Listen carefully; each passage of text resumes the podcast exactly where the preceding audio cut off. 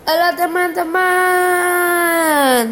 Di podcast kali ini Aku akan memberikan Tips kepada kalian semua. Ini adalah Cara uh, memilih tips Untuk kipas angin yang bagus.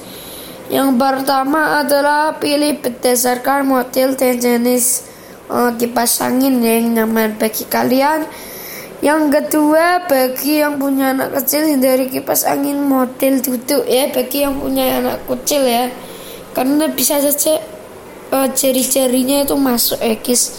Terus yang ketiga perhatikan jumlah dan diameter baling-baling. Perhatikan penting tuh.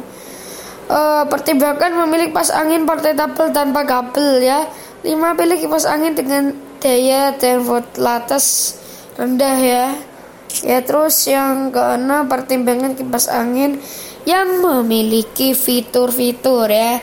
Bagi kalian yang suka dengan podcast ini jangan lupa dengerin katanya terus.